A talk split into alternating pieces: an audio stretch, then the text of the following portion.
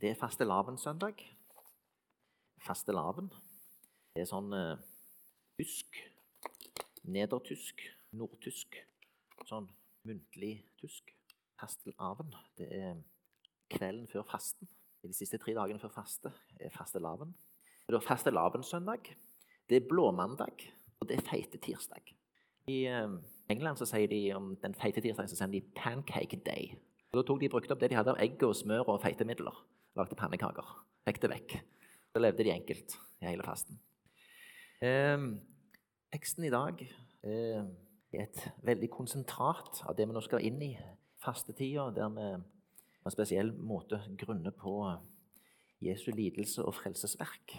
Se, vi drar opp til Jerusalem. Jerusalem har lenge vært en kjent by, et kjent sted. I alle fall i 3800 år, som vi vet ut fra Bibelen. Allerede før Abraham var blitt Abraham, men fremdeles var Abraham. Så leser vi første Mosebok kapittel 14 om eh, Melkisedek, kongen i Salem og prest for den høyeste Gud. Melkisedek, kongen i Salem, kom ut med brød og vin. Han var prest for den høyeste Gud. Han velsignet Abraham og sa, Velsignet være Abraham av den høyeste Gud, han som skapte himmelen og jorden. Lovet være den høyeste Gud, som har gitt dine fiender i din hånd. Så gav Abraham ham tiende av alt. Forfatteren har brevbrevet, han grunner til dette. Legg merke til hvor stor han er, denne mannen som Abraham, patriarken, gav tiende av det beste krigsbyttet. Hebreerne 7,4. Han la oss legge merke til det, for dette er jo et veldig tidlig hint om Jesus. Innledende i kapittel 7 i Hebreerbrevet står det Melkisedek var konge i Salem og prest for den høyeste Gud. Han gikk i møte med Abraham og velsignet ham da Abraham vendte tilbake etter seieren over kongene. Og Abraham gav ham tiende av alt. I navnet Melkisedek ligger for det første at han er rettferdighetens konge, og dernest at han er konge av Salem, dvs. Si fredens konge. Han er uten far og uten mor og har ingen ettertavle. Hans dager har ingen begynnelse, og hans liv tar ikke slutt. Slik er han et bilde på Guds sønn. Han er og blir prest for alltid. Konge og prest i Salem. Se, vi drar opp til Jerusalem. Salem heter det først, og senere det betyr jo fred. Og Senere ble det jo Sion og Jerusalem, grunnlagt på fred, som Jerusalem betyr. Og Vi må ta med oss litt av dette symbolske, fordi vi trenger grunner på det for at vi òg skal kunne se det som forfatteren av hebreerbrevet har sett. Legg merke til hvor stor han er. Det er det vi kalles inn til i de tekstene i dag. Vi kalles inn til å se i storheten i det Gud har gjort. I å planlegge Jesus sitt komme. 800 år lenger fram i tida så er David blitt konge over Juda. Og etter hvert er han blitt konge over hele Israel. Etter at han er blitt konge over både Juda og Israel, så inntar han Jerusalem. Det var en rimelig uinntagelig borg som jebusittene fremdeles hadde i sin besittelse. Og de mente det var umulig for David å ta det. Men David inntok den borga, og det ble da hovedsetet i, eh, i Davids rike. Jerusalem ble en viktig by under David og Salomo, oppe i høyden. Jeg har aldri vært i Jerusalem, men jeg forstår og har sett eh, hvordan byen ligger. Litt for seg sjøl, høyt heva over det meste. Se, vi går opp til Jerusalem, sier Jesus. Og så er det disse sterke koblingene da, mellom David og Jesus. David ble salva til konge. Og eh, Seinere ser vi mye om eh, kobling mellom David og hans etterkommer og der òg Jerusalem ofte er nevnt. David får den tanke til hvert at han eh, skal bygge et hus for Herren. Paktkisten var jo i et telt, men han bodde jo i et fint hus. Men så kommer Gud til ham i et syn eh, natta etterpå. Og så sier han til ham, når din tid er ende, og du hviler hos dine fedre, da deg, la, din, la din sønn og etling stå fram som din etterfølger, og jeg vil stadfeste hans kongedømme. Han skal bygge et hus for mitt navn, og jeg vil trygge hans kongetrone til evig tid. Når vi leser i Gamle testamenter, så er det ofte sånn Det tales helt konkret til noe i den situasjonen. Det tales framover mot Kristus og den tida vi er inne i. Og det tales også gjerne videre eh, profetisk om, eh, om, Israel. Mye av dette samles i, disse tekstene. Eh, etlingen etter David, den jordiske etlingen, det var Salomo. Men relativt fort så ser vi at Salomo ikke er den som kommer til å trygge kongedømmet til evig tid. For han virrer seg litt vekk Herren sier til han, Salomo, du har båret deg slik at siden du har båret deg slik at og ikke har holdt den pakt jeg sluttet med deg, og de lovene jeg gav deg, vil jeg rike, rike fra deg og gi det til en av dine menn. Men for din fars Davids skyld vil jeg ikke gjøre det så lenge du lever. Er din sønn jeg vil rive det fra. Hele riket vil jeg likevel ikke ta fra ham. En stamme vil jeg gi ham for min tjener Davids skyld. Så står det, og av hensyn til Jerusalem, den byen jeg har utvalgt. Jerusalem er viktig. Jerusalem er fremdeles viktig. Jerusalem kommer til å være viktig framover òg. Og det er interessant at Jerusalem er i mediene. Jeremia 33, 33,9. Byen skal få et navn som blir til glede for meg. De pris og ære blant alle folkeslag på jorden. I de dager, når den tiden kommer, lar jeg en rettferdig spire vokse fram for Davids ett. I de dagene skal Juda bli frelst og Jerusalem bo trygt. Og dette er navnet byen skal få, Herren vår rettferdighet. Esekiel 34. Jeg vil sette en hyrde over dem, min tjener David. Jeg, Herren, vil være deres Gud, og min tjener David skal være fyrste blant dem. Jeg, Herren, har talt. Salme 110. Sett deg ved min høyre hånd til jeg får lagt dine fiender som skammel for dine føtter. Fra Sion rekker Herren ut din mektige kongestav. Du skal herske blant dine fiender. Og Den som vil lese mer i Gamle testamentet om David som Messias, kan lese Jeremia 33, i Sekel 34 og 37, og i Hosea 3 og i Jesaja 55 og i Salme 89. Jerusalem har en helt spesiell plass. David var en konge som skulle få en etling hvis eh, kongeriket skulle stå til evig tid. Det er Messias. Nå er noe av dette i ferd med å oppfylles når Jesus skal opp til eh, Jerusalem. Og Vi kan ta med oss videre, for Jesus har jo her sagt at de vi drar opp til Jerusalem, og alt det som profeten har skrevet om menneskesønnen, skal gå i oppfyllelse. Derfor tar vi med oss litt av dette profetiske stoffet. Zakaria 9, 9-11. Rop høyt av glede, Sions datter. Bryt ut i jubel, Jerusalem. Se, din konge kommer til deg. Rettferdig er han, og seier er gitt ham. Ydmyk er han og rir på et esel, på den unge eselfolen. Jeg vil utrydde vognene i Efraim og hestene i Jerusalem, og stridsbuen skal brytes i stykker. Han skal skape fred for folkene, hans velde skal nå fra hav til hav, fra Eufrat til jordens ender. Vi ser i Zakaria at det er ikke en krigerkonge, det er en fredens konge. Hans velde skal nå fra hav til hav, fra Eufrat til jordens ender. Gud bruker 1800 år fra Abraham og fram til Kristus på å planlegge Jesus sitt komme. Nå har vi hatt 2000 år etter Jesus, og vi har sett dette fredens rike bre seg ut. Der evangeliet forkynnes, skapes det fred mellom mennesker, mellom folkeslag. Ikke alltid en fred som er eh, så veldig synlig, men eh, han er der. Han har forandra samfunn, og han forandrer mennesker. Det har det gjort siden uh, pinsedag. Vi lever kanskje i en spesiell frukt av dette. Vi lever ennå i etterkant av reformasjonstida, der de som hadde båret evangeliet til den tid, den katolske kirka, hadde blitt mer og mer et maktsentrum. Så kommer Luther, og så setter han ordet fri. Han lar det bli ordet. Det er nåden. Og samtidig med boktrykkinga så kan ordet spres ut til folk. Det blir en veldig demokratisk prosess. Der både Luther som én eh, mann som reiser seg opp mot overmakten, viser hva den enkelte kan bety. Og han viser oss igjen til ordet. Og vi her i Salem vi får være en del av en tydelig kultur som har holdt det, der vi er glad i ordet, og får la, la ordet få prege oss. Dette ordet har vi i tillegg fått lov til å være med og spre videre ut. Vi er en del av en bevegelse som har fått vært med å formidle denne freden videre til andre folkeslag. Og eh, det skal vi være veldig takknemlige for. Det er stor velsignelse i å få lov til å være med på det. Jeg leser litt videre fra profetiene, eller en av de tydeligste fra Hosea, kapittel 6. Kom, la oss vende om til Herren, for Han som rev i stykker, vil lege oss. Han som slo, vil forbinde våre sår. Han vekker oss til liv etter to dager. Den tredje dagen reiser han oss opp, så vi kan leve for hans ansikt. La oss lære å kjenne Herren. La oss jage etter å kjenne Ham. Dette er det budskapet som er blitt forkynt til oss for 1000 år siden og de påfølgende 1000 år, og som vi har fått lov til å være med å formidle til andre de siste 130 år. Kom, vend om til Herren. Han er ikke evig harm. Han vil lege deg. Han, han har gjort død til liv for deg. Den tredje dagen reiste han seg opp, så vi kan leve for hans ansikt. Jesaja 53, fra vers eh, 7. Han ble mishandlet, men bar det ydmykt. Han åpnet ikke sin munn, lik lammet som føres bort for å slaktes, lik sauen som tier når den klippes. Han åpnet ikke sin munn. Jeg tror dette må være et av de versene som Jesus siterer til disse Emmaus-vandrerne når han åpna Skriftene for dem og viste hvem han var.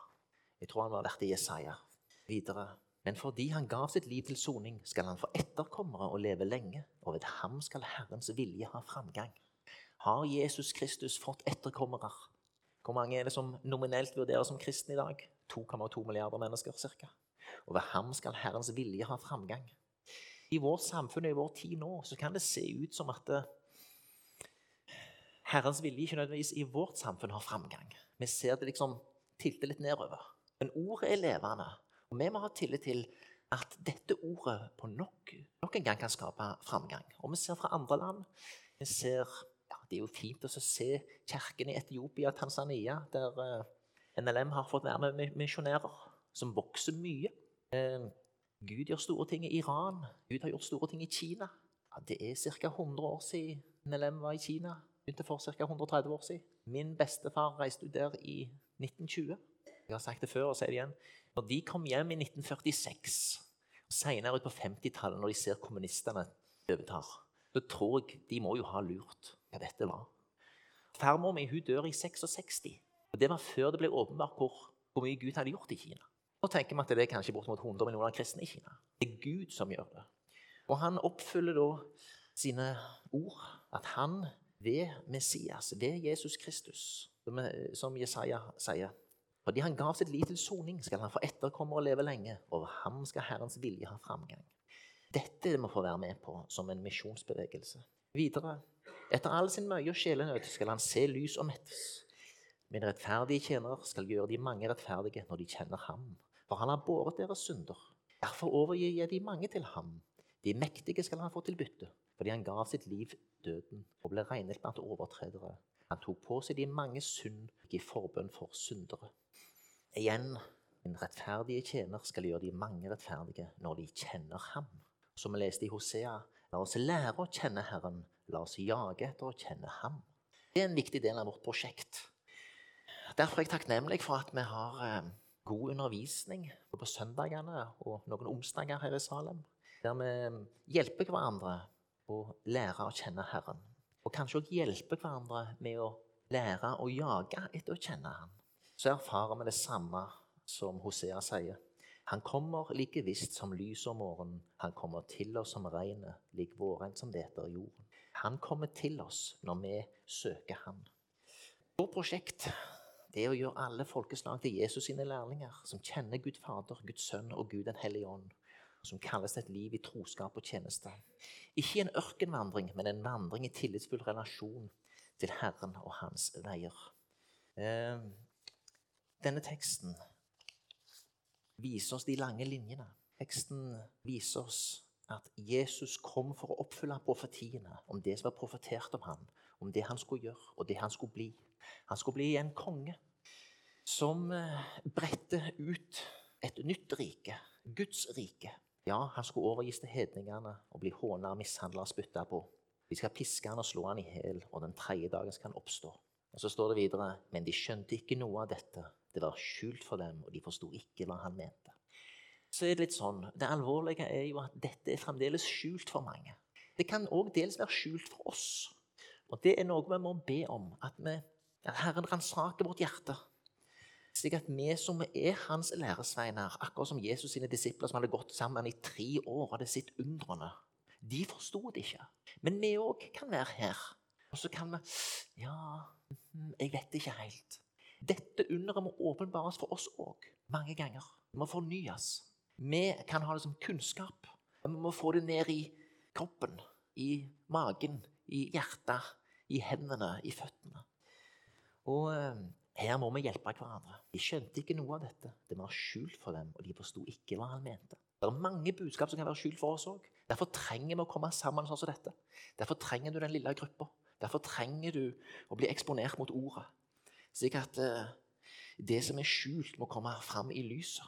Og at uh, Jesus må forbli konge i våre liv. Og Dette er et livslangt prosjekt. Jeg har en bok som jeg tror jeg har sitert her før, som heter 'Helliggjørelsens hemmelighet'. Der forfatteren av denne boka eh, sammenligner utreisen fra Egypt med, for israelittene, for, for hebreerne, med vårt liv. Han sier ja, de gikk ut under blodet. Alle ble frelst under blodet. Vi er alle frelst under Kristus. Men så sier han videre så gikk de ut, vet du, og så ble det en ørkenvandring. Fordi de aldri liksom helt tok det til seg. De, de stolte ikke fullt på Gud. Ble det en ørkenvandring. Sånn kan kristenlivet òg bli for oss. Det kan bli en ørkenvandring. Fordi vi, ja, Det blir noe delt i det. Og det er mange grunner til det blir delt. Vi stoler ikke helt på det, for vi har hatt en del forbilder som ja, Vi stolte ikke helt på de. Bildene vi fikk av Gud, var litt innvikla. Han likte jo verken kortspill eller kino. Kan ikke stole helt på denne her. Eh, det kan være mange ting i våre liv, i våre trosforbilder, som virrer dette til. Det nytter liksom ikke å se på verken trosforbilder eller oss sjøl. Vi må trekkes mot ordet. Vi må la oss inspirere av Han. Og så må vi be Den hellige ånd åpenbare storheten i kongen, den salvede Kristus, for oss. Slik at vi kommer videre. At det ikke blir skjult for oss. For da blir det så fort en ørkenvandring som blir veldig slitsom. Og som forfatteren av denne boka sier, det går an å dø i ørkenen. Um, målet er å komme inn i Kanan, der du får leve et rikt liv og bære frukt. Og uh, virkelig få, få, erfare fruktene av det kristne livet. Leseteksten som uh, Kristine leste fra andre, første Tim, 1. Timoteus brev 2, 1-6. Og nå formaner jeg dere framfor alt å bære fram bønner og påkallelse, forbønner og takk for alle mennesker. Det er òg en viktig del av vårt kall. Be for hverandre. Be med hverandre. Og be for andre. Be for samfunnet. Be for naboene. Be for kollegene. Be for de med en høy stilling, så vi kan føre et stille og fredelig liv. Vi kan føre et stille og fredelig liv hvis, hvis Gud legger gjerningene klare for oss i bønn. Ehm, når vi får lov til å legge vårt liv fram i bønn, når vi får legge andre fram for Gud i bønn, så trenger det ikke bli et anmasende, strevsomt liv med masse dårlig samvittighet. Vi legger det fram for Herren. Dette er rett og godt for, Gud, for Gud, vår frelser. Han som vil at alle mennesker skal bli frelst og lære sannheten å kjenne. Gud vil at vi skal be for de rundt oss. Gud vil at vi skal bry oss om de. Gud vil at vi skal internalisere de i våre liv. Ha de med oss. Ikke slite oss ut med liksom litt vanskelige ja, hva skal jeg nå helt gjøre her? Legg det fram for Herren. Begynn der. La det bli der til Gud har åpenbart for deg hva som eventuelt er videre steg. Det som eh, er å si, er at eh, den teksten vi har for oss, viser tydelig Kristus som konge. Den viser tydelig at han eh, den som nå regjerer. Det var ikke tydelig før Jesus kom. Da var det bare jødene, israelsfolket, som visste om at det var en som skulle komme. Så har det nesten blitt som skjult for jødene sjøl. Denne Kristus har de ikke tatt til seg i stort monn. Men det er blitt åpenbart for hedningene. Vi lever i den tida der vi som er utenfor den jødiske kultur, får høre om Jesus. Vi lever i den tida der vi kan bli kjent med kongen, og vi kan formidle dette videre til han, til, til andre. Vi lever i den tida der misjonærer fra den katolske kirke har kommet til Norge. Først kom de til, kom til England i 600. Så kom de til Norge rundt år 1000. Og så har vi hatt reformasjon, og så har vi vært lutherske, protestantiske bevegelser som har bredt misjon videre ut eh, fra dette landet. Vi får være i den tida der vi får formidle at Kristus er konge. Og vi inviterer folk inn til at han skal bli konge òg i deres liv. At de skal få et punkt som ikke graviterer om seg sjøl, men at eh, de kan få tillit til noe som ligger utenfor seg sjøl. Det vet vi er veldig sunt for alle. Enten du står i tjeneste for andre, står i tjeneste for Gud og ikke la eh, egoismen råde. Vi lever i en tid der eh, dette skal være fokus. Første kor 15, 21-28. Fordi døden kom ved ett menneske, er også de dødes oppstandelse kommet ved ett menneske. For like som alle dør av Adam, skal alle få liv ved Kristus. Men hver og en i sin orden. Kristus er den første. Deretter følger de som hører Kristus til når han kommer. Så kommer enden når han overgir sin kongemakt til Gud, Faderen, etter at han har tilintetgjort all makt, myndighet og velde. For han skal herske som konge inntil Gud har lagt alle fiender under hans føtter. Den siste fiende som tilintetgjøres, er døden. For alt la han under hans føtter. Når det heter alt, er det klart at Gud selv er unntatt fra dette, for han er jo den som har lagt alt under ham. Og nå som alt er underlagt ham, skal også Sønnen selv underordne seg under Gud, som har lagt alt under ham. Og Gud skal være alt i alle. Og han skal herske som konge inntil Gud har lagt alle fiender under hans føtter. Vi lever i denne tida der det ennå er mulig å formidle dette til andre. Kristus er konge. Han kan komme inn i ditt liv. Vi får være en del av en bevegelse som har formidla dette budskapet til andre gjennom 130 år. Og vi er fremdeles i eh, et rikt arbeid der, både i Norge og i utland, der vi skal formidle Kristus som konge. Kristus konge, du regjerer. All vår styrke er fra deg. Konges sønn som triumferer, lydig gikk du korsets vei. Med ditt offer vant du seier, mørkets makter måtte fly. Vis oss hvilket håp vi eier, gjør din kirke sterk og ny.